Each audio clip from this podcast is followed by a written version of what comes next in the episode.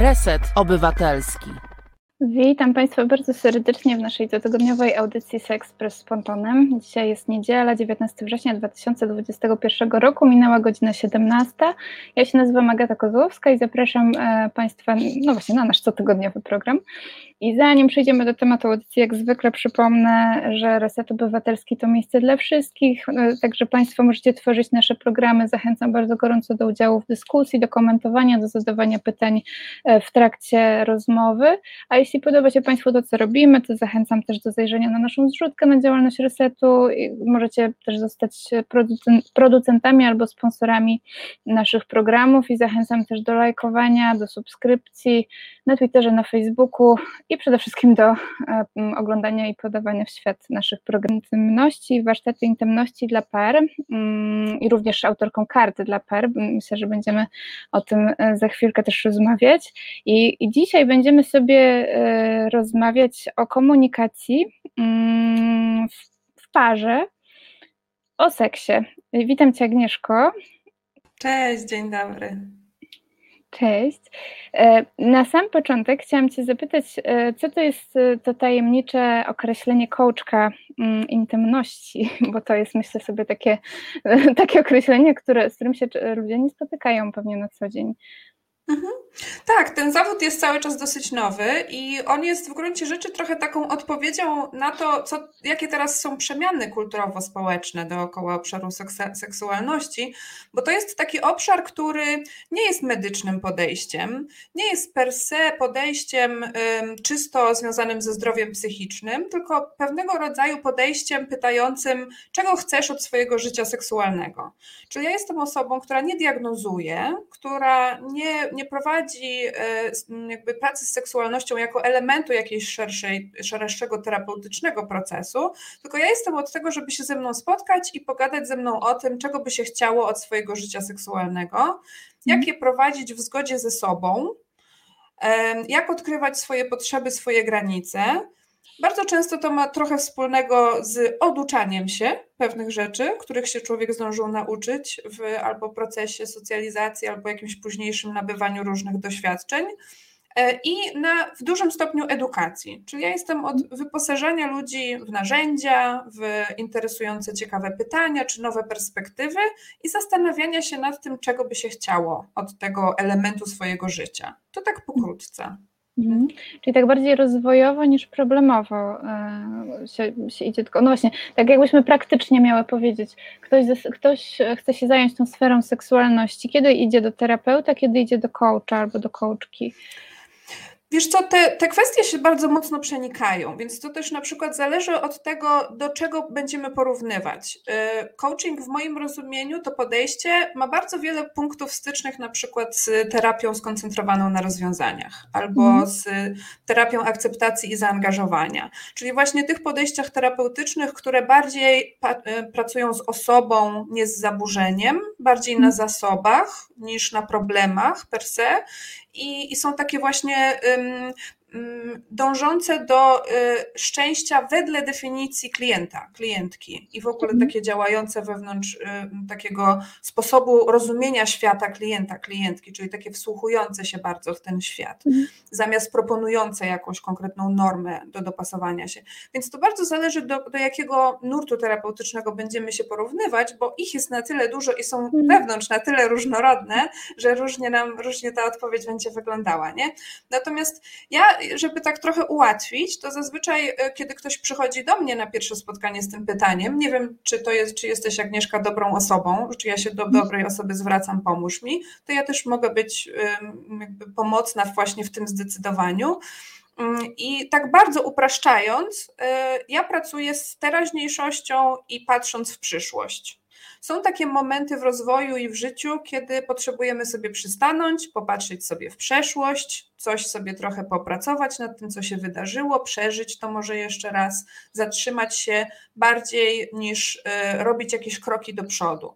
To dla mnie jest bardziej kontekst, gdzie ja wtedy zapraszam osobę na jakiś bardziej terapeutyczny proces. Mhm. Jeżeli ktoś natomiast jest bardziej gotowy, gotowa, żeby stanąć w teraźniejszości, nie udawać, że przeszłości nie ma, natomiast wziąć ją jako jeden z zasobów, które mamy i zacząć się zastanawiać nad tym, jak ta teraźniejszość wygląda i jak chcemy, żeby wyglądała przyszłość, to to jest bardziej ta, ta moja działka, którą ja proponuję. To tak mhm. znowu jest pewnego rodzaju uproszczenie, ale tak można sobie, myślę, o tym pomyśleć. Przeszłość, teraźniejszość, przyszłość. Czym się chcemy zająć mniej więcej. Mhm. Nie? Okej. Okay. Witamy pana Adama i pana Adriana też. E, to chciałam cię, cię, tak właśnie jeszcze dopytać, jakbyś miała tak spojrzeć na swoich klientów, klientki i, i, i powiedzieć, kto, kim oni są, w sensie, nie, nie, oczywiście nie podając danych czy, czy, czy zawodów, czy jakichś konkretnych informacji, ale bardziej mnie interesuje właśnie, czy jest na przykład jakaś grupa społeczna, która chętnie do ciebie przychodzi, czy to są osoby, które jakoś y, mają, jakie, no, czy, czy, coś, czy coś wyróżnia osoby, które korzystają e, z, two, z Twoich usług? Wiesz co, wydaje mi się, że do mnie przychodzą głównie osoby między 30 a 45 rokiem życia, powiedzmy jakieś takie, to są te najczęstsze widełki. Mhm. E, bardzo często to są osoby, które są już po jakichś procesach rozwojowych, często po e, jakiegoś rodzaju terapii związanej z sytuacją rodzinną, z własnym rozwojem, z własnymi jakimiś kawałkami osobowościowo-tożsamościowymi. Tylko to są bardzo często osoby, które z procesu terapeutycznego wyszły z takim doświadczeniem, że tam nie było miejsca na rozmowę o seksualności na przykład. Ten mhm. temat nie wypłynął, nie pojawił się i na jakimś etapie dochodzą do wniosku, że chcą się tym kawałkiem zająć. I to jest mhm. wtedy ten jakiś taki start e, naszej, naszej współpracy. Więc to są często osoby, które mają już za sobą jakiś e, proces rozwojowy. To też oznacza, że to są osoby, które mają zasoby czasowe i finansowe i takie poznawczo-emocjonalne, żeby się zajmować swoim rozwojem. Więc to na mhm. pewno też jest jakaś, jakaś podgrupa. Nie? Mhm. Mm, natomiast wydaje mi się, że jeśli chodzi o zawody, jeśli chodzi o jakieś takie inne konkretyzujące elementy, to tutaj nie widzę jakichś takich, wiesz, dużych e, styczności. Jest to mhm. bardzo, bardzo różnorodne. Okej, okay, czyli to, to, to, to, to, co powiedziałaś na samym początku, wydaje mi się jakoś ważne, czyli że to się trochę wiąże z tymi przemianami, które się dzieją w Polsce, że gdzieś e, jak ktoś ma, ma problem z seksualnością, to pewnie prędzej zacznie szukać pomocy i pójdzie do tego terapeuty, czy właśnie czy do lekarza i szuka rozwiązania, a żeby pójść, rozwijać swoją seksualność i szukać czegoś więcej, no to trzeba mieć zasoby i trzeba mieć też jakąś wiedzę o tym, że w ogóle można to zrobić.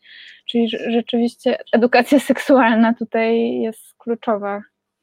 Zgadza się, tak. I wydaje mi się, mhm. że ja w dużej części zajmuję się w gruncie rzeczy edukacją seksualną, tylko może mhm. bardziej w spersonalizowanym kontekście, ale mhm. też prowadzę warsztaty grupowe dla osób dorosłych, więc to jest bardzo edukacja seksualna, czy taka szerzej rozumiana edukacja związkowa, czy jakaś relacyjna, nie? Okej, okay, to dzisiaj trochę sobie też pouskuteczniamy taką edukację, mam, mam nadzieję, związkową, relacyjną.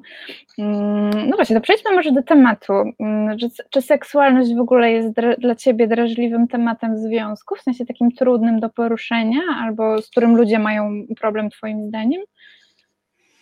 Wiesz, to jest bardzo ciekawe zagadnienie. Jakoś ostatnio się nad tym zastanawiałam na nowo i dochodzę do wniosku, że ta, to poczucie trudności Większość osób, które do mnie trafiają do gabinetu, raportuje takie poczucie trudności, że to jest trudny temat w ogóle do takiego przystanięcia i zastanawiania się, to jest trudny temat, żeby o nim rozmawiać. Jest mhm. to na pewno y, kwestia. To trzeba wziąć poprawkę na to, że do mnie przychodzą osoby, które prawdopodobnie są na takim etapie, że zauważają, że chciały, żeby, chciałyby, żeby to było łatwiejsze. Nie? Więc to jest jakaś, mhm. jakaś myślę, że nie, nie, generalizowałabym to na wszystkich, bo to jest tylko próbka kliniczna osób, które się do mnie zwracają. Natomiast to, to poczucie trudności wydaje mi się, że ono jest dwojakie. E, jedno to jest to, że to jest obszar bardzo dużej wrażliwości, czyli tu, gdzie dochodzimy do jakby granicy naszego ciała, do tego, co się dzieje z naszym ciałem, na ile mamy sprawczość i autonomię mhm. cielesną wokół tego, co się dzieje z naszym ciałem, to są, wydaje mi się, w taki dosyć niezaprzeczalny sposób tematy, które są wrażliwe. Niekoniecznie może trudne od razu, ale jednak wrażliwe. Mhm. I teraz w połączeniu z brakiem świadomości, brakiem edukacji, brakiem okazji do zadawania sobie pytań, one się robią trudne, czy mogą się robić trudne. Ale wydaje mi się, że większość z tego trudnego polega bardziej na tym, że większość osób, które do mnie trafiają, nie ma doświadczenia rozmów o seksualności, które byłyby łatwe. A przez łatwe wydaje mi się, że bardzo często rozumiemy bezpieczne, spokojne, niekoniecznie wiążące, nie prowadzące do robienia koniecznie czegoś z kimś, tylko od mhm. takie po prostu. Czyli ta trudność, wydaje mi się, że często jest słowem, którego osoby używają, żeby nazwać brak doświadczenia czegoś innego niż ta mhm. trudność. I okazuje się, że na przykład osoby, które przychodzą do mnie na warsztaty grupowe, często dzielą się na początku takim, takim trochę jakąś obawą, jakimś wyobrażeniem, że to będzie ciężko, bo tutaj jest mhm. kilka, kilkanaście osób obcych i zaraz będziemy rozmawiać o seksie i to jest zupełnie nowy kontekst. Nie? Nigdy nie, się nie było w takim kontekście a po trzygodzinnym warsztacie na końcu taka osoba potrafi powiedzieć: To było łatwiejsze niż mi się wydawało. To było mhm. bardziej naturalne, to było bardziej zwykłe, tu się nic takiego strasznego nie działo. Okazało się, że po prostu wszyscy rozmawiali o seksualności i to wcale nie było takie trudne, jak można się by było spodziewać. Mhm. I dla mnie to jest gdzieś dowód na to, że ta trudność to jest bardzo często brak doświadczenia bycia w bezpiecznej przestrzeni, mhm. żeby porozmawiać o seksualności. Więc tworzenie takich przestrzeni dla mnie jest jakoś jednym z takich elementów, które sobie, wiesz, tak e, określiłam jako swoje misje w tym mm. zawodzie, żeby tworzyć jak najwięcej takich bezpiecznych przestrzeni, w których ludzie mogą porozmawiać o seksualności bez żadnych, bez żadnych e, takich obaw związanych z tym, że trzeba rozwiązać jakiś problem, że trzeba się zadeklarować, że coś będzie musiało z tego wynikać. Takie mhm. wiesz, uwolnione od presji, uwolnione od jakiegoś um, poczucia obowiązku czy oczekiwania. Bo wydaje mi się, że to nam ułatwia rozmawianie o seksualności. Mhm. No właśnie, bo ja sobie pomyślałam, że pewnie takim głównym pretekstem, kiedy ludzie w ogóle zaczynają rozmawiać o seksie, no to jest kiedy pojawia się jakiś problem i wtedy rzeczywiście te rozmowy mogą być trudne, no bo boimy się, że możemy kogoś urazić albo powiedzieć coś nie tak, albo dostać na przykład informację, której nie chcieliśmy dostać. Więc rzeczywiście, że ta przestrzeń jest taka, przestrzeń mówienia o seksie jest zagrażająca, znaczy może być zagrażająca, kiedy mamy tylko takie doświadczenie. Zgadza się, tak. Więc tak z takiego edukacyjno-prewencyjnego, y, takiej perspektywy prewencyjnej, moją jedną z podstawowych porad dla osób rozpoczynających związki nowe albo będących już od jakiegoś czasu w związkach, zacznijcie rozmawiać o seksualności, zanim pojawią się problemy. Mhm. To jest no właśnie, ale najlepsza inwestycja. A, ale ja, Najlepiej... Przykład... Najlepiej od mówienia sobie dobrych rzeczy na temat tego, mhm. co się między nami dzieje, dzielenia się tym, co czujemy i co myślimy, co jest dobre. To może być taki tradycyjnie rozumiany komplement, że podoba nam się jakaś część ciała drugiej osoby albo sprawia, że mamy na nią ochotę, a to może być coś e, znacznie bardziej jakiegoś takiego subtelnego, nie wiem, lubię jak mnie tak mocno przyciągasz do siebie, albo e, strasznie mi fajnie sobie wracać pamięcią do tego, jak wtedy pojechaliśmy, pojechałyśmy gdzieś tam i miałyśmy tę noc, mieliśmy tę noc, co pamiętasz. Czyli mhm. jakieś takie dzielenia się y, jakimiś takimi dobrymi myślami albo dobrymi emocjami wokół naszego wspólnego życia seksualnego. I mhm. to jest, wydaje mi się, świetna inwestycja, bo wtedy nawet jeżeli pojawi się jakiś tak zwany problem do rozwiązania, coś, co może być potencjalnie trudne, to mamy już doświadczenie rozmawiania o seksualności, które przynosiło nam dobre emocje, które przynosiło nam mhm. pogłębienie więzi. Więc nie mamy, nie, nie, mamy zazwyczaj tak dużego przerażenia, kiedy ten temat się pojawia, bo mamy już doświadczenie tego, że było fajnie i bezpiecznie rozmawiać o seksualności, więc wchodzimy w taką rozmowę z, na mniejszym poziomie lęku. I wydaje mi się, że to jest kluczowa sprawa. Mamy mhm. doświadczenie, że potrafimy rozmawiać o seksualności w sposób fajny i, i taki, który buduje naszą więź i nasze poczucie takiej intymności i wspólnoty. To jest najlepsza inwestycja.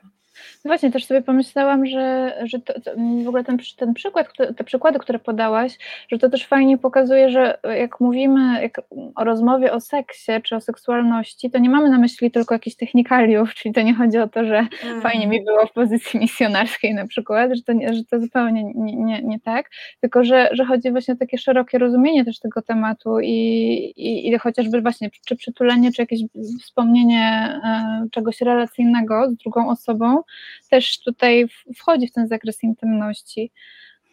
Jak najbardziej. Wydaje mi się, że takie poszerzenie w ogóle definicji seksualności czy intymności bardzo dobrze robi takim rozmowom, bo znowu mamy więcej punktów zaczepienia, które mm. mogą nas prowadzić do rozmów, które budują tę więź, czyli właśnie czułość i takie pielęgnowanie wspólnego czasu i wspólnych zajęć. O tym wszystkim warto rozmawiać, bo to wszystko będzie budowało taką więź, na której potem jest znacznie większa szansa, że uda się rozwiązać tak zwany problem mm. w, seks, w seksie.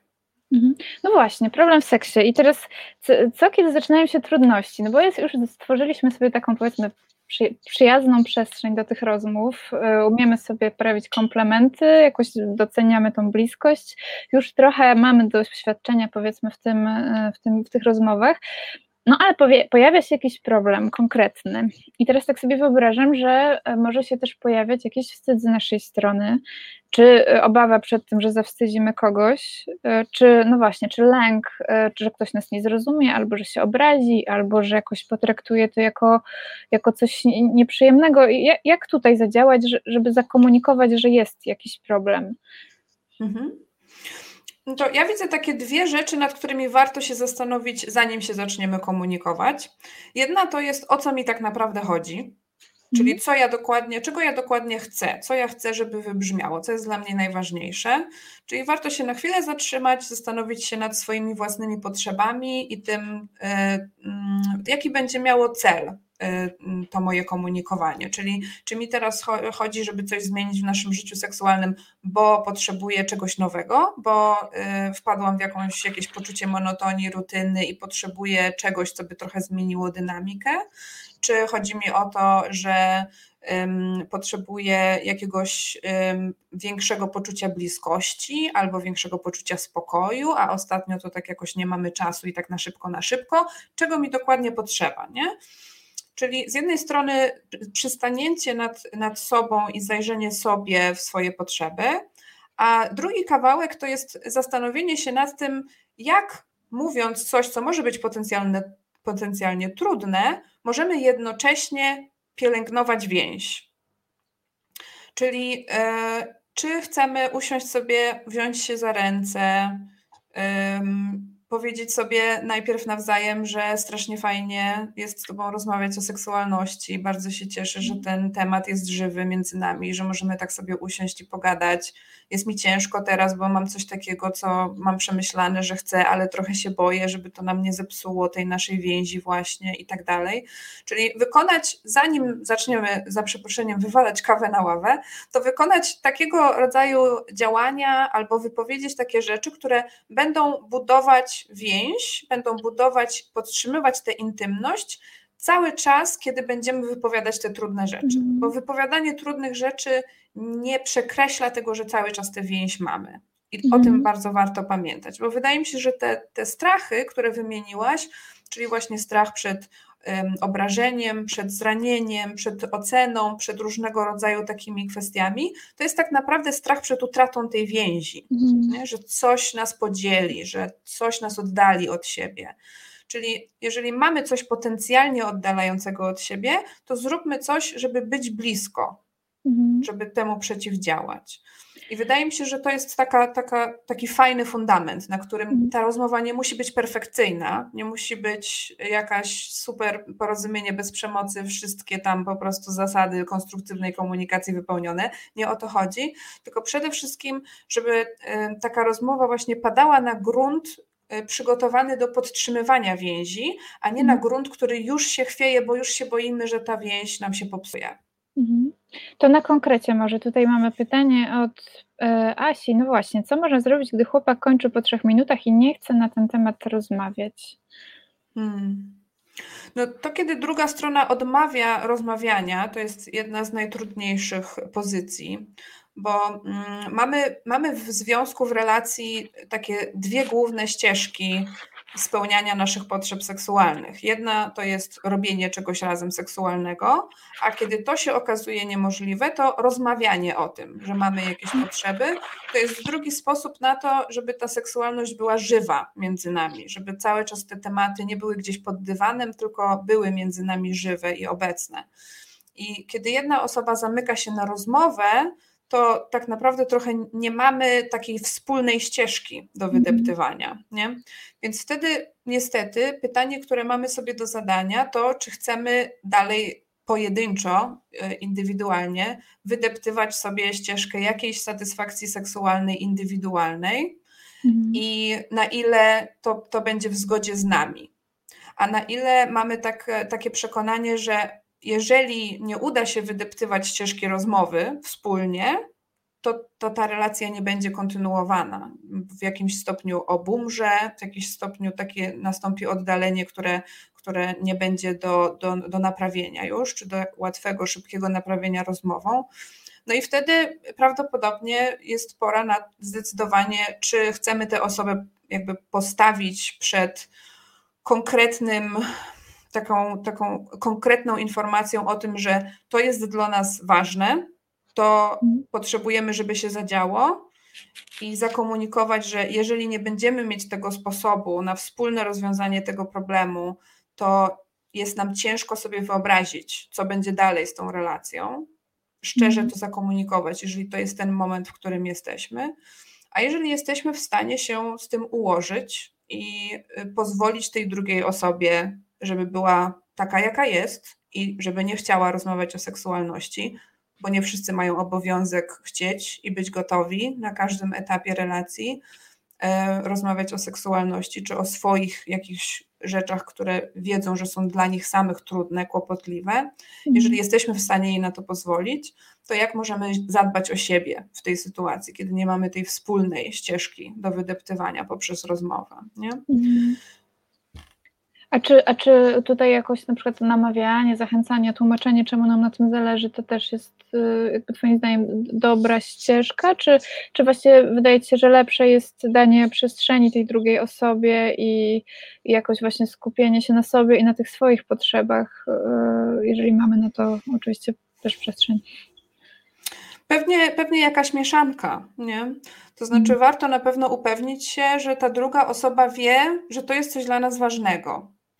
Bo to jest coś takiego, co, co czasem gdzieś umyka i pary, które do mnie trafiają, dopiero w moim gabinecie zaczynają orientować się, że dla tej drugiej osoby coś było ważne przez długi czas, Mhm. ale ta druga osoba jakoś nie, nie, nie, niewystarczająco jasno, nie wiem, niewystarczająco konsekwentnie zakomunikowała, że to jest aż tak ważne. Mhm. Więc to, to jest trochę tak, że wiesz, mm, nie namówimy nikogo na nic, na co ta osoba nie jest gotowa sama z siebie. Możemy komunikować swoją potrzebę, możemy upewniać się, że nasz komunikat z naszej strony jest wysłany jak najlepiej i jak najjaśniej, żeby ta druga osoba wiedziała, na czym stoi, wiedziała, z Mhm. kim jest. To jest, to jest ten kawałek, nad którym mamy kontrolę, gdzie mamy sprawczość. Natomiast nie da się zmusić do rozmowy kogoś, kto nie chce rozmawiać. Mhm, jasne. Też sobie myślę o takiej częstej sytuacji, mm, która, która ma miejsce w relacjach, gdzie trochę e, oczekujemy, że ta druga osoba nam wejdzie do głowy i zgadnie, czego my potrzebujemy, i, a ta druga osoba nie ma takich mocy tak naprawdę, więc że my nie komunikujemy, a oczekujemy i, i, że, i, i że później się okazuje, że no jak, to przecież bym to zrobił albo zrobiła, ale nie wiedziałam, że tego potrzebujesz. I że, i że to, to, to, tak, tak mi się to skojarzyło z tym, co mówisz o tej komunikacji, że to takie super ważne, żeby, żeby mówić po prostu, a nie uciekać gdzieś w takie w oczekiwanie i obrażanie się, że, że ktoś nie zrobił, a nie wiedział, że, że w ogóle mógł. Mhm. Tak, więc jeżeli to jest na przykład trudne, to można się zastanowić nad tym, czy jakiś list by się nie sprawdził. Aha. Jeżeli to jest trudne, żeby tak pójść i powiedzieć, że nam coś mocno gdzieś tam w sercu gra i, i potrzebujemy czegoś bardzo mocno od drugiej strony, czasami spisanie tego dla siebie pomaga to potem powiedzieć, albo spisanie tego pomaga to przekazać w takiej formie.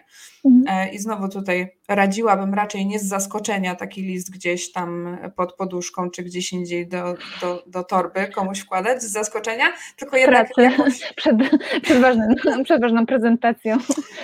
jakąś, jakąś ramę warto by było dla tego stworzyć, jakiś kontekst. Mhm. Mm, Natomiast to może być pomocne, w szczególności na przykład, y, jeżeli ktoś ma dużo wstydu wokół wypowiadania siebie mm. i, i swojego tego kawałka seksualnego, więc pismo może pomóc.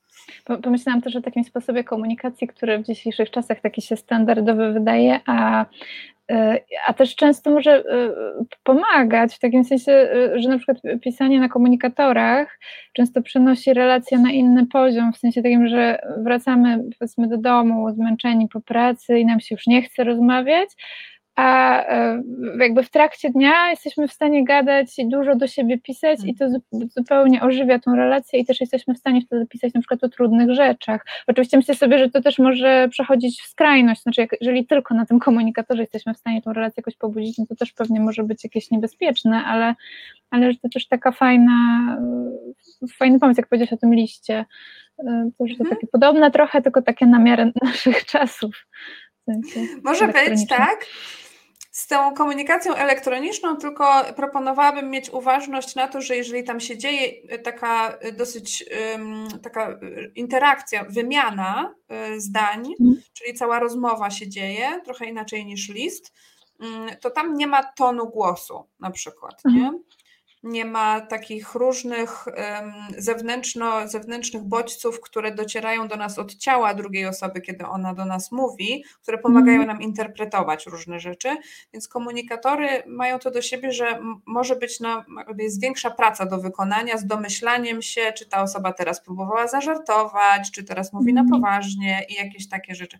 Jak para ma jakby dobrze, dobrze właśnie tę swoją komunikację codzienną gdzieś tam rozpracowaną, to te, to interpretacja interpretowanie jest znacznie łatwiejsze. Kiedy jesteśmy w jakimś konflikcie, szczególnie długotrwałym, to mhm. te interpretacje mogą trochę pójść w nie tym kierunku, bo możemy się doszukiwać takich mm. rzeczy, których się boimy.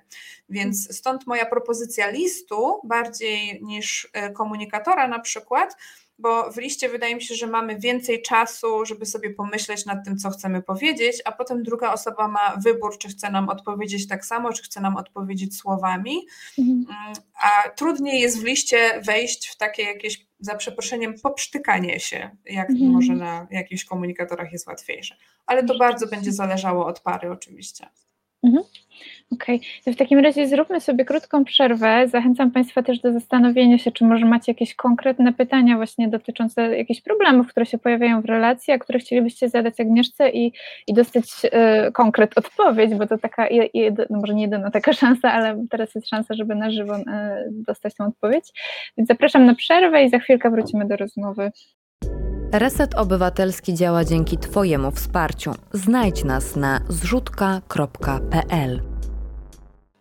Witamy po przerwie w Sekspresie Spontanem. Rozmawiamy o komunikacji w parze, o seksie. Bardzo podoba mi się nazwa y, który został zaproszony na obiad, w sensie produ producentów naszego dzisiejszego programu. E, tutaj pani Asia napisała, to prawda mam ciut autystycznego kolegę, który poważne tematy akceptuje tylko na Messengerze, w rozmowie face to face duka się jąka i denerwuje.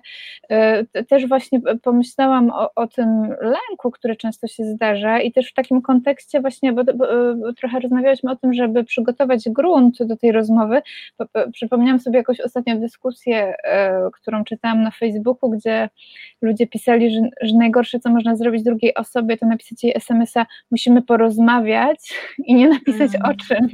I że po prostu to w ludziach wywołuje taki straszny lęk, no bo nie wiadomo, czy to coś dobrego, czy złego, czy czego się spodziewać zupełnie. E, I tutaj masz jakieś właśnie sposoby, żeby osłabić ten lęk, w sensie, żeby jakoś tak fajnie przygotować sobie przestrzeń e, do, do, do tej rozmowy? Czy po prostu mówić wprost, że, że chcielibyśmy teraz, znaczy chciałbym z Tobą na przykład pogadać dzisiaj o, o bliskości, o intymności, tak, to znowu będzie trochę zależało od tego, czy mamy już jakieś do, doświadczenia, czy to jest nowy temat, który właśnie wprowadzamy. Jeżeli jest nowy, to wtedy może być warto powiedzieć o tym osobie drugiej, że jest to dla nas ważne, że chcemy jakoś y, mieć trochę czasu i takiego spokoju głowy i wszystkiego, i kiedy możemy sobie o tym pogadać. Czyli powiedzieć jej, że chcemy jakiś temat wprowadzić na tyle szczegółowo, na ile mamy na razie y, chęć. O tym powiedzieć i wspólnie ustalić jakiś dobry moment, dobry czas, żeby to była taka znowu wspólna decyzja, nie? żeby to nie była gdzieś jedna osoba jest zaciągnięta na siłę przez mhm. drugą i postawiona gdzieś pod ścianą. Natomiast jeżeli mamy już jakiegoś rodzaju wspólne doświadczenia, rozmawiania o życiu seksualnym, to wydaje mi się, że wtedy po prostu powiedzenie, słuchaj, czy teraz możemy E, mhm. Trochę czasu spędzić na pogadaniu sobie, bo są takie rzeczy, którymi chciałabym się podzielić i zobaczyć, jak ty masz i w ogóle i, i stworzyć sobie trochę taką przestrzeń na tu i teraz. Nie? Mhm. Są osoby, które lubią mieć jakąś granicę, taką czasową granicę, czyli pół godziny. Nie? nie gadamy o seksie więcej niż pół godziny. Jeżeli to komuś pomaga, to też można sobie tak zorganizować. Nawet sobie można jakiś telefon w telefonie podstawić albo co innego, bo granice czasami pomagają mm, mieć takie, takie poczucie bezpieczeństwa, poczucie, że to mhm. nie rozwinie się w wielogodzinną, wielo, jakby całą, całonocną rozmowę o trudnościach, nie pójdziemy spać i, i w ogóle. Tylko że mamy jakiegoś rodzaju taką, taką znowu ramę, jakąś ramę bezpiecz, bezpieczeństwa. Mhm. Okej, okay, no to skoro jesteśmy znowu przy trudnościach, bo ja tutaj mam całą listę rzeczy, o których może, można porozmawiać i które mogą być trudne też. To, lista to, trudności. Mhm. tak, lista trudności, więc na przykład temat zdrady. Y, tutaj w ogóle pytanie, czy, czy przychodzą do Ciebie osoby y, z, tako, z takim problemem i czy, czy bardziej na przykład wtedy odsyłasz do, na terapię, czy, czy, czy też daje się coachingowo o tym rozmawiać i, i, i ludzie jakoś korzystają z takiego wsparcia? Zdarza się, że przychodzą osoby albo pary po doświadczeniu zdrady. Jeżeli to jest kwestia świeża i jeżeli mam przed sobą parę, to najczęściej y, zapraszam bardziej na psychoterapię, na terapię par, mhm. E, bo to w większości przypadków jest kontekst, w którym jest potrzebny proces w ogóle orientowania się, skąd to się wzięło, jak to się mhm. zadziało, E, jest zazwyczaj duża porcja cierpienia do przeżycia, do mm, przeprocesowania wewnątrz każdej osoby i wewnątrz relacji. I mhm. zanim będziemy w stanie patrzeć w przód, co chcemy dalej robić, to jest dosyć duża potrzeba zazwyczaj zatrzymania się tu, gdzie jesteśmy i przyjrzenia się temu, co się zadziało w przeszłości, że, że się znajdujemy w tym momencie, w którym jesteśmy. Więc taka. Mm, y, taka, taka potrzeba przepracowania samego doświadczenia zdrady, ona jest bardziej, wydaje mi się, skutecznie zaopiekowana w bardziej procesie terapeutycznym.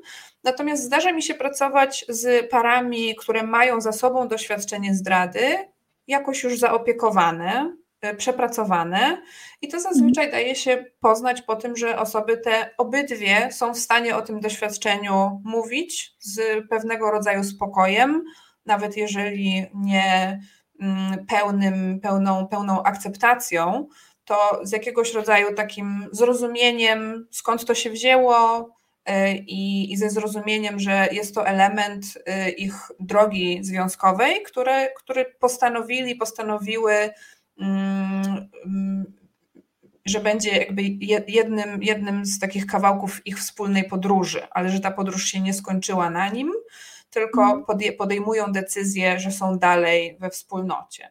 Więc jeżeli mamy taki stan, to wtedy to jest stan, z którym można pracować, tylko zazwyczaj to oznacza, że y, problem, który będziemy rozwiązywać, czy kwestia, którą będziemy się zajmować we współpracy ze mną, to już nie jest ta zdrada, tylko jest być może coś, co jest jakoś powiązane, na przykład jakaś kwestia związana z zazdrością, która jest mhm. w teraźniejszości się dziejąca i zahacza oczywiście o tę przeszłość i o tę wspólną historię ale jest bardziej kwestią do rozwiązania na tu i teraz. Mhm. Okej, okay, czyli nie skupiamy się wtedy na, na, tej, na tych przyczynach i na przyszłości, tylko bardziej na tym, co możemy na przykład zrobić, żeby tą, tą zazdrość jakoś oswoić, czy, czy sprawić, że jest mniej bolesna. Tak, wspierać się w tym mhm. procesie. Mhm. Okej. Okay. Jeszcze wracając właśnie do, do tych trudności y, w samym seksie, bo y, ominęłam takie pytanie, które gdzieś sobie zapisałam, a które też wydaje mi się ważne, czy na przykład, y, bo tak mówimy sobie o zapewnianiu tej bezpiecznej przestrzeni, o tym, żeby jakoś mieć czas na tą rozmowę, zastanawiam się, jak, podcho jak, jak podchodzisz, czy, czy, czy jak pracujesz z osobami, które na przykład chciałyby zakomunikować coś w trakcie jakiejś aktywności seksualnej, czy w ogóle jest na to przestrzeń, czas, czy, czy na przykład jeśli coś mnie wkurza za każdym razem, mój partner albo partnerka to robi, to czy to, czy to jest mhm. dobry pomysł mówić e, w trakcie, czy lepiej na przykład poczekać właśnie na ten spokojny moment, ale czasami hmm. wtedy może być trudno wytłumaczyć, o co chodzi dokładnie, bo, bo to też może być jakaś kwestia, no nie wiem, czy techniczna, czy jakaś taka cielesna, tak? Więc... Tak, to znowu będzie trochę zależało od kontekstu, ale moja główna zasada jest taka, że jeżeli jest coś, co dusimy w sobie już nie tylko podczas seksu, ale wynosimy ten problem poza tak zwane łóżko, życie seksualne i on zaczyna nam e, gdzieś doskwierać poza samymi sytuacjami, kiedy ta rzecz się dzieje, to to jest prawdopodobnie dobre wskazanie, żeby porozmawiać o tym wtedy, kiedy ta rzecz się nie dzieje. Mhm. Czyli jeżeli problem jest wystarczająco doskwierający, że widzę cię rano, jak pijemy kawę i sobie przypominam, że ci nie powiedziałam jeszcze, że mi nie pasuje, jak mi tak kładziesz dłoń na lewym pośladku, to to jest prawdopodobnie ten moment, w którym warto tę rozmowę odbyć nie w tym łóżku, mhm. bo problem się najwidoczniej rozlał trochę już poza łóżko, poza ten sam kontekst, jest na tyle doskwierający, że to może być znowu trudna rozmowa. I znowu będzie trochę zależało od tego, czy dana para ma już doświadczenie rozwiązywania takich kwestii, bo jeżeli para ma duże poczucie wzajemnego zaufania do siebie w takim wspólnym kształtowaniu życia seksualnego swojego, to to, że jedna osoba powie drugiej: Słuchaj, jak mi te kładziesz rękę na tym lewym pośladku, to weź tak ściskaj, żeby paznokciami mnie tam nie, nie bolało od swoich paznokci. Mm. I ta druga osoba powie, no jasne, oczywiście, super, że mówisz, fajnie, że już ci nie będę gdzieś tam robić nie tak jak chcesz, będę robić tak jak chcesz. I to jest koniec rozmowy, a jeżeli to jest temat, który jest mało obecny, albo jakoś niezaopiekowany, albo były już jakieś rzeczy, które pod dywan trafiły wcześniej i wiemy o tym, czujemy, że jest coś pomiędzy nami, co już trochę tę więź gdzieś nam utrudnia, to taka rzecz może się rozwinąć w rozmowę, która będzie potrzebowała więcej kontekstu, więcej czasu i wtedy zdecydowanie mm. warto poza łóżkiem ją robić żeby mieć, e, że tak powiem, wszystkie swoje umiejętności poznawcze mm. jak najbardziej dostępne, bo kiedy wchodzimy do łóżka i zaczyna nam się kociołek emocjonalno-hormonalno różny, to wtedy nasz dostęp do naszych takich dorosłych, konstruktywnych umiejętności poznawczych jest nieco ograniczony. Mm. Więc jeżeli coś trudnego, to warto poza łóżkiem. Tak. Mhm. Czyli wyobrażam sobie, że możemy też być wtedy zaskoczeni i zareagować nie tak, jakbyśmy chcieli i, i, i nie, nie rozwiązać problemu, tylko raczej go pogłębić wtedy.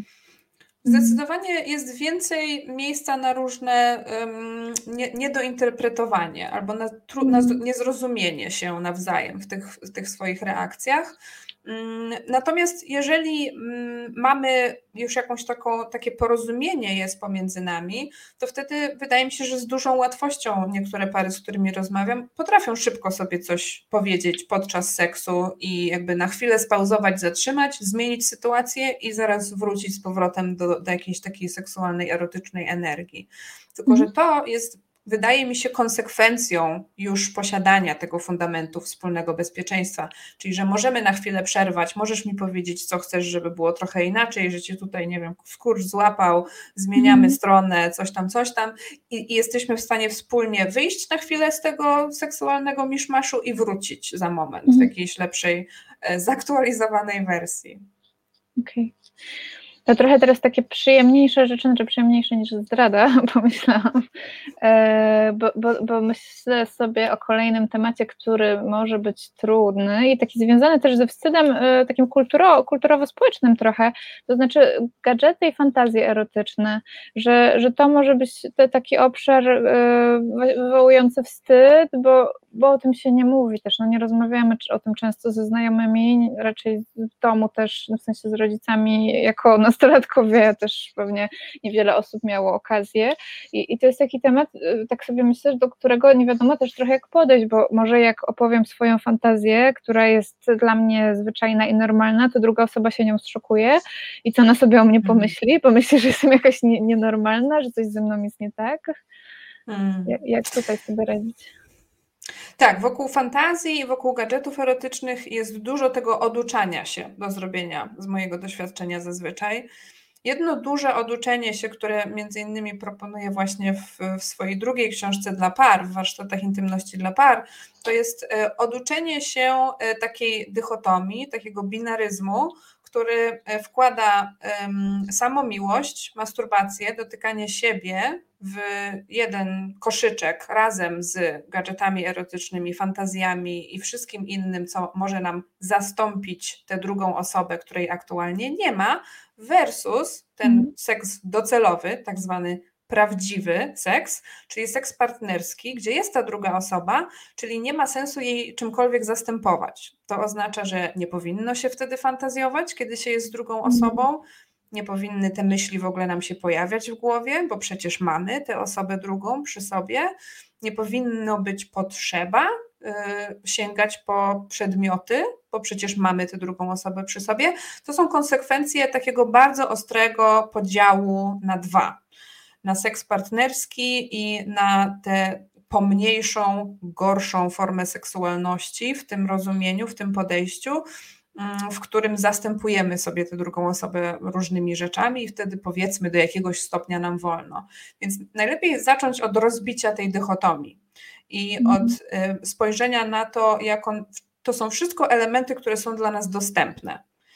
Nie ma zasad, y, innych niż te, które sobie ustalimy wewnątrz relacji, dotyczących tego, co, które elementy mają iść z czym.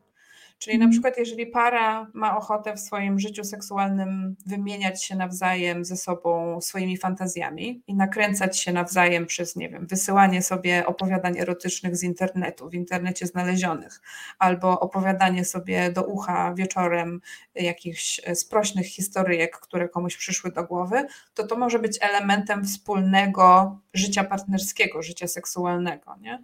Czyli mhm. wyłamanie się z takiego albo albo to, to jest, jak wydaje mi się, taki pierwszy fundamentalny krok, który nam pomaga zacząć się zastanawiać nad tym, czego chcemy, a mhm. nie co do czego pasuje, e, bo tak jesteśmy nauczeni, nauczone, że coś z czymś idzie, a coś z czymś nie idzie. I mam, to, takie, e, e, mam tu takie skojarzenie, z, przepraszam, że, przerwałam, ale mam tu takie skojarzenie z, ma, z, masturbacją, w sensie tym, że, że jak jesteśmy w związku, no to nie powinniśmy tego robić, bo przecież jest ta druga osoba, która zaspokaja nasze potrzeby i że jak to, to robimy, to tak jakby coś było z nami nie tak. Czyli to też ta duża rola edukacji seksualnej.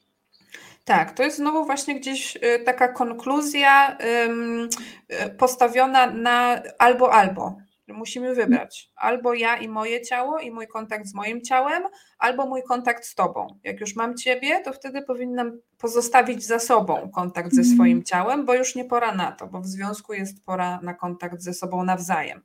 Podczas kiedy w związku jest wystarczająco dużo miejsca na kontakt i ze sobą nawzajem, i na kontakt każdej osoby ze sobą samą. Jest wystarczająco duża przestrzeń związkowa do tego. Więc e, wracając do Twojego pytania o fantazję, wydaje mi się, że jedna z najpomocniejszych rzeczy do wypowiedzenia w parze, czy do pozastanawiania się w swojej własnej głowie, w swoim własnym wnętrzu, to jest to, że fantazje nie istnieją tylko i wyłącznie po to, żeby je spełniać. To mhm. jest bardzo często lęk, który się budzi albo przed wypowiedzeniem fantazji, że druga osoba założy, że będzie teraz coś trzeba, albo kiedy słyszymy fantazję, którą, którą się z nami dzieli nasza druga osoba, czyli czy ja teraz będę musieć, bo ty właśnie mi mhm. mówisz o tym, że o tym fantazjujesz, więc warto mieć uwspólnioną świadomość w parze tego, że fantazje mają swoją, swoje miejsce w naszym życiu wewnętrznym i dzielenie się nimi może mieć na celu zbliżenie się do siebie nawzajem na takim pułapie emocjonalnym, a wcale nie robienie czegokolwiek. Może też być mhm. robienie, ale może być powiedzenie czegoś, co jest jakąś częścią mnie. Na przykład, tak jak dzielę się z kimś tym, że hmm, jak kończyłam liceum, to myślałam sobie, że zrobię sobie rok przerwy i pojadę dookoła świata. I to się nigdy nie udało, ale jeszcze mi ta fantazja cały czas gdzieś tam w duszy gra. I to jest jakiś ważny kawałek mnie że ja mam mhm. tę fantazję o jeżdżeniu dookoła świata, która jest niezrealizowana i pewnie już nie zostanie zrealizowana, ale jest to jakiś kawałek jakiejś ważnej prawdy o mnie i wobec tego dzielę się tą prawdą z osobą, którą chcę dopuścić do siebie, do wiedzy o sobie. Z fantazjami seksualnymi może być dokładnie tak samo. Czyli dopuszczamy kogoś do wiedzy o tym, jaką istotą seksualną jesteśmy, i to jest jedyna funkcja mówienia o swoich fantazjach, albo jedna z funkcji, gdzie, nie wiem, drugą jest przybliżenie się do tej osoby, jakieś. Um, ugruntowanie poczucia zaufania czy intymności, wcale niekoniecznie realizowanie tego scenariusza, który właśnie wypowiadam. Czyli mhm. znowu takie poszerzenie definicji seksualności. To, seksualność to nie jest tylko ten seks, który się uprawia, tylko seksualność jest znacznie szerszym, większym, bardziej pojemnym sposobem doświadczania siebie w ogóle. Mhm. A, a jak, jak, osłabić? Bo tak sobie myślę, że, że, dużo jest też wstydu często w tych fantazjach, w takim sensie, że yy, no nie, nie raczej rzadko mamy na przykład dostęp do fantazji innych osób. Może nam się wydawać, że to, co my mamy w głowie, jest wyjątkowo jakieś dziwne, niestandardowe, że ktoś sobie coś o nas pomyśli. Jak, jak, e, też pozwolić sobie w ogóle fantazjować, w sensie, że i, i jak, się, jak osłabić ten wstyd przy, związany z dzieleniem się tymi fantazjami? No to tutaj jest y, mm, kilka ścieżek. Jedna ścieżka jest bardzo naukowo-statystyczna, czyli poszukać artykułów naukowych, a jest ich już sporo, o fantazjach ludzkich i poczytać te wszystkie rzeczy, które w tych artykułach naukowych się pojawiają. Bo naprawdę fantazja ludzka granic nie zna i jest bardzo duża szansa, że znajdziemy tam rzeczy, które zupełnie nam się nigdy nie pomyślały i okaże się, że te, ta nasza fantazja na tle tej różnorodności to jest jakaś kropla w morzu najróżniejszych możliwości. Zgodnie z, z powiedzeniem, że, że, jeśli masz jakąś y, fantazję o czymś dziwnym, to już na pewno są pornole na ten temat, tak? W sensie, że no wystarczy więc... poszukać. Jest nas sporo na tej planecie w tej chwili, więc tak statystycznie rzecz biorąc byłoby ciężko, gdyby się nie znalazło przynajmniej parę osób, które mają tę samą fantazję, a zazwyczaj to będzie znacznie, znacznie więcej, bo mhm. fantazje swoją drogą też są oczywiście jakimś wyrazem naszego ja, ale one są w, jakimś, w jakiejś rozmowie z kulturą i, i z tym, co się dookoła nas dzieje. Więc na przykład to, że na jakimś etapie znacznie więcej osób zaczęło raportować fantazję o dominacji i uległości, jest też pewnego rodzaju odpowiedzią na to, co widzimy dookoła siebie, mm. Co mówi nam kultura o tym, co jest możliwe dla nas. Nie? Więc to jest jakby jedna ścieżka, taka bardzo statystyczna. Jeżeli komuś statystyki pomagają, to zapraszam. A druga jest bardziej związana z słuchaniem opowieści, bo są osoby, które mogą zobaczyć w statystyce, że 60% osób ma w swoim doświadczeniu fantazjowanie o dominacji albo uległości. Dajmy na to. A, y, a to będzie jakoś takie Mm, nieosobiste, nie, nie będzie tyle aż zmieniało w środku, no bo to jakaś taka mm. sucha liczba, nie? Ciężko się z tym jakoś tak powiązać, połączyć się z tą informacją. I wtedy internet jest świetnym miejscem, żeby poszukać jakiegoś forum, na którym ludzie rozmawiają anonimowo o takich kwestiach i zobaczyć, jakby doświadczyć innych osób, które postanowiły wypowiedzieć anonimowo zazwyczaj jakiegoś rodzaju swoją fantazję, jakąś rodzaju, rodzaju myśl i doświadczyć tego, że inne osoby też mają trudność, też pewnie opisują jakieś swoje poczucie wstydu, ale w jakiś sposób dzielą się tym. Czyli posłuchać opowieści i poszukać być może kogoś, w czyich oczach można się przejrzeć, w mhm. czyich oczach można trochę wyobrazić sobie siebie. O, tutaj istnieje taka osoba, która ma tak samo jak ja. Czasami statystyki nam nie, nie, nie, załatwiają nam tego, co tak naprawdę jest, e, wydaje mi się, mm, takim fundamentem, na którym wstyd jest postawiony, czyli osamotnienia. Statystyka nam mhm. nie rozwiązuje problemu poczucia osamotnienia w tym, że ja mam taką myśl dzieląc się z innymi osobami, czy słuchając, jak inne osoby się dzielą swoimi własnymi myślami, fantazjami, emocjami, jesteśmy odrobinę bliżej do zaadresowania tej kwestii osamotnienia, nawet jeżeli nie mamy swojej własnej gotowości w aktywny sposób się tym dzielić. Więc to są takie dwie główne ścieżki, którymi można sobie próbować pracować ze wstydem. Natomiast koniec końców, jak mówi ekspertka od wstydu Brené Brown, wstyd mm. należy wypowiedzieć, bo wtedy, kiedy się wstyd wypowie, to wtedy wtedy wstyd nie ma racji bytu już, bo on przecież był od tego, żebyśmy nie wypowiedzieli, nie wypowiedziały tego, co było do mhm. wypowiedzenia. E, cieszymy się Pani Adrianie, że, że jakoś docenia Pan naszą audycję. Pan Michał napisał, niektóre fantazje powinny zostać w strefie fantazji, bo można się zawieść rzeczywistością. To trochę też o tym y, mówiłaś, że nie wszystkie fantazje są po to, żeby je realizować i, i też nie wszystkie chcemy realizować, że, że, gdzieś rzeczywiście, tylko, tylko właśnie, tylko pytanie, y, a bo w strefie fantazji, bo pomyślałam jeszcze o tym, że powinny zostać w naszej głowie y, niewypowiedziane, to też pytanie, czy pewnie są też takie, którymi się nie chcemy dzielić albo jakoś nie potrzebujemy tego. Mhm. mhm.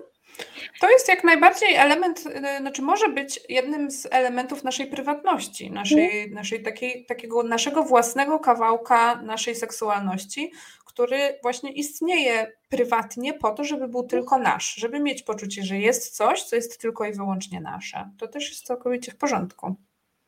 Aha. Pani Asia pisze, dobrze też działało zawsze z mojego doświadczenia zaczęcie rozmowy od, kiedy, od, od kiedyś miałam taką dziwną fantazję i długo myślałam, że to się ze mną nie tak. Wtedy często mm. druga osoba namawiała, żeby powiedzieć, obiecywała nie oceniać, a w ostateczności wręcz wspierała, mówiąc, że wszystko z tobą ok. E, często też dzieliła się wtedy w ramach wzajemności swoimi fantazjami. Też mam takie doświadczenie, że powiedzenie o swoim wstydzie, lęku i niepokoju związanym z tym, że zaraz się czymś podzielimy, też osłabia ten lęk i daje taką przestrzeń do akceptacji e, tego, co chcemy powiedzieć tej drugiej osobie. Mhm, mhm, zdecydowanie. Dla mnie to też właśnie to jest jedna z mówienie o swoim tak zwanym miękkim brzuszku, czyli o swojej mhm. własnej wrażliwości na zranienie, o tym, że mamy coś, czego się boimy, czego się obawiamy. To jest jeden z elementów podtrzymywania więzi. Mhm. Bo druga osoba bez dwóch zdań na pewno ma takie samo doświadczenie jak my. To jest najbardziej ludzka rzecz pod słońcem, żeby różne mieć trudności i wrażliwości i się obawiać. Więc to jest zdecydowanie sposób komunikowania się z drugą osobą w takiej, na takim poziomie, który jest zrozumiały, który jest jakby doświadczeniem nas wszystkim. Więc nawet jeżeli masz zupełnie inne fantazje seksualne niż ja, to prawdopodobnie i ja, i ty mamy w swoim doświadczeniu jakieś poczucie trudności z wypowiadaniem tego tematu albo którychś mhm. elementów tego tematu. Jest duża szansa. Więc to jest zdecydowanie łączący kawałek powiedzenie czegoś takiego. Mhm. Okej, okay. to podsumowując jeszcze, chciałam Cię znaczy zapytać o taką sytuację, kiedy e, już porozmawialiśmy z tym partnerem, partnerką, już staraliśmy się jakoś, e, no odsłoniliśmy się, powiedzieliśmy o swoich potrzebach, ale na przykład spotykamy się z sytuacją, kiedy ten, ta druga osoba nie chce zrobić tego, co byśmy chcieli, w sensie nie chce spełnić jakiejś naszej potrzeby, czy, czy, czy ma inne wyobrażenie na, na jakiś temat. Jak możemy sobie wtedy pomóc? W takim sensie, jak, jak siebie wesprzeć, czy w ogóle możemy coś zrobić? Mhm. Tak, no to dwie główne strategie są takie. Mm, pierwsza strategia to jest zapytanie się siebie, czy jest jakaś inna aktywność seksualna, która wchodziłaby dla mnie w grę, e, która by spełniła tę samą potrzebę co ta mhm. pierwsza, którą miałam na myśli. Czyli znowu przejście przez ten etap potrzeb może być pomocne. Jeżeli mi się wyfantazjowało, że ja konkretnie w jakiś sposób chcę ten seks zmienić, że jest jakaś konkretna aktywność seksualna, zasłonięcie oczu mhm. tej drugiej osobie, a ona nie jest gotowa, żeby mieć zasłonięte oczy, to pytanie brzmi, o co mi chodziło z tym zasłanianiem oczu? Nie? Czy mi chodziło, mhm. żeby mieć trochę jakieś poczucie kontroli, albo żeby pozwolić sobie na coś z takim poczuciem, że ta druga osoba mnie nie będzie widziała i wtedy ja się będę komfortowo czuła, żeby to zrobić. Co, o co mhm. chodzi z tym zasłonięciem oczu? I wobec tego, co innego można zrobić, co by dało mi mniej więcej ten sam efekt. Mm, I czy możemy znaleźć taką aktywność seksualną, na którą druga osoba wyrazi zgodę, która cały czas będzie w jakimś stopniu tę moją potrzebę spełniać? Mhm. Czyli to jest trochę taka y, porada elastyczności i podejścia do y, życia seksualnego jako do procesu znajdowania rzeczy, które dwie osoby chcą robić a nie procesu, w którym jedna osoba musi się zgodzić na to, czego by chciała druga, bo inaczej nie ruszymy. Mhm. Mamy oboje się, obie się zgodzić na to, co będzie się między nami działo, więc to jest jeden kawałek, a drugi, jeżeli to jest trudne, bo może być trudne, na przykład na jakimś etapie znalezienie takiej, e, takiej aktywności, to wtedy mm, główna rzecz to jest nie zamiatać pod dywan niespełnionych mm. potrzeb. Bo to jest zazwyczaj coś, co potem jest bardzo trudno jest pod tego dywanu wymieść i wrócić. Niespełnione potrzeby warto, żeby miały miejsce w związku, warto, żeby było miejsce na opiekowanie się niespełnionymi potrzebami. Zazwyczaj słowa są najlepszym sposobem na to. Czyli znowu wracam do tego, że mamy w relacji możliwość przeżywania, doświadczania seksualności razem i mamy w relacji miejsce na taką intymną więź poprzez słowa. I tutaj te niespełnione potrzeby mo mogą wylądować, jeżeli nie potrafimy wypracować takiego sposobu, który, w którym możemy razem coś zrobić, to nie przestawajmy dawa dawać temu miejsce, żeby to było cały czas między nami w jakiś sposób albo żywe, albo przynajmniej, żeby miało pozwolenie na istnienie. Mhm. Czyli żeby nie zostało, żeby czyjeś potrzeby nie zostały zamiecione jako nie mające prawa istnieć pomiędzy nami. I to wydaje mi się jakieś takim znowu prewencyjno-edukacyjnie to jest bardzo dobra inwestycja na przyszłość, mhm. bo jeżeli y, jakieś niespełnione potrzeby stwierdzimy, no nie dogadujemy się, nie ma sposobu, żeby znaleźć jakieś, jakieś, jakąś wspólną wersję, to zamiatamy pod dywan i nigdy więcej o tym nie rozmawiamy, to jest zbyt trudne to potem niestety bardzo łatwo się zacząć po, po jakimś czasie potykać o to, co pod tym dywanem jest i o te mhm. niespełnione potrzeby. I one tam sobie zaczynają gnić i robić różne inne dziwne rzeczy, których nie chcemy w swojej sypialni, więc wyciągamy je stamtąd i dajemy rzeczom istnieć w słowach pomiędzy nami. Ja tak bardzo mhm. namawiam na komunikację, bo to jest sposób na to, żeby różne rzeczy między nami istniały, które niekoniecznie są od razu do załatwienia, do zrobienia, do rozwiązania, a mimo tego mogą istnieć w wyrazach, w słowach. Mhm. Okej, okay, czyli zostawiamy Państwa z takim przesłaniem, jak zawsze zresztą, że warto rozmawiać, że ta komunikacja jest podstawą. Ja zachęcam też do sięgnięcia po książki Agnieszki i też e, po karty, które opracowałaś dla par, bo myślę sobie, że to jest też to tworzenie właśnie przestrzeni e, i takich rozmów o, o seksie i seksualności, nie jak kiedy jest problem, tylko właśnie budowanie tego, tego kontaktu i, i zastanawianie się nad swoimi potrzebami. Także bardzo, bardzo Ci dziękuję za dzisiejszą audycję. Pe, pewnie dużo by jeszcze można zapytać, ale, ale czas nam się kończy. Także zapraszamy za tydzień. Za tydzień Alina Synakiewicz będzie prowadzić audycję. Dziękuję też za Państwa czynny udział dzisiaj. Było to bardzo ciekawe dla nas. Dzięki. Tak, dzięki, do zobaczenia. Reset Obywatelski. Podobał Ci się ten program? Reset to medium obywatelskie, którego jedynymi sponsorami jesteście Wy, odbiorczynie i odbiorcy. Wesprzyj nas na zrzutka.pl i pomóż budować niezależne medium.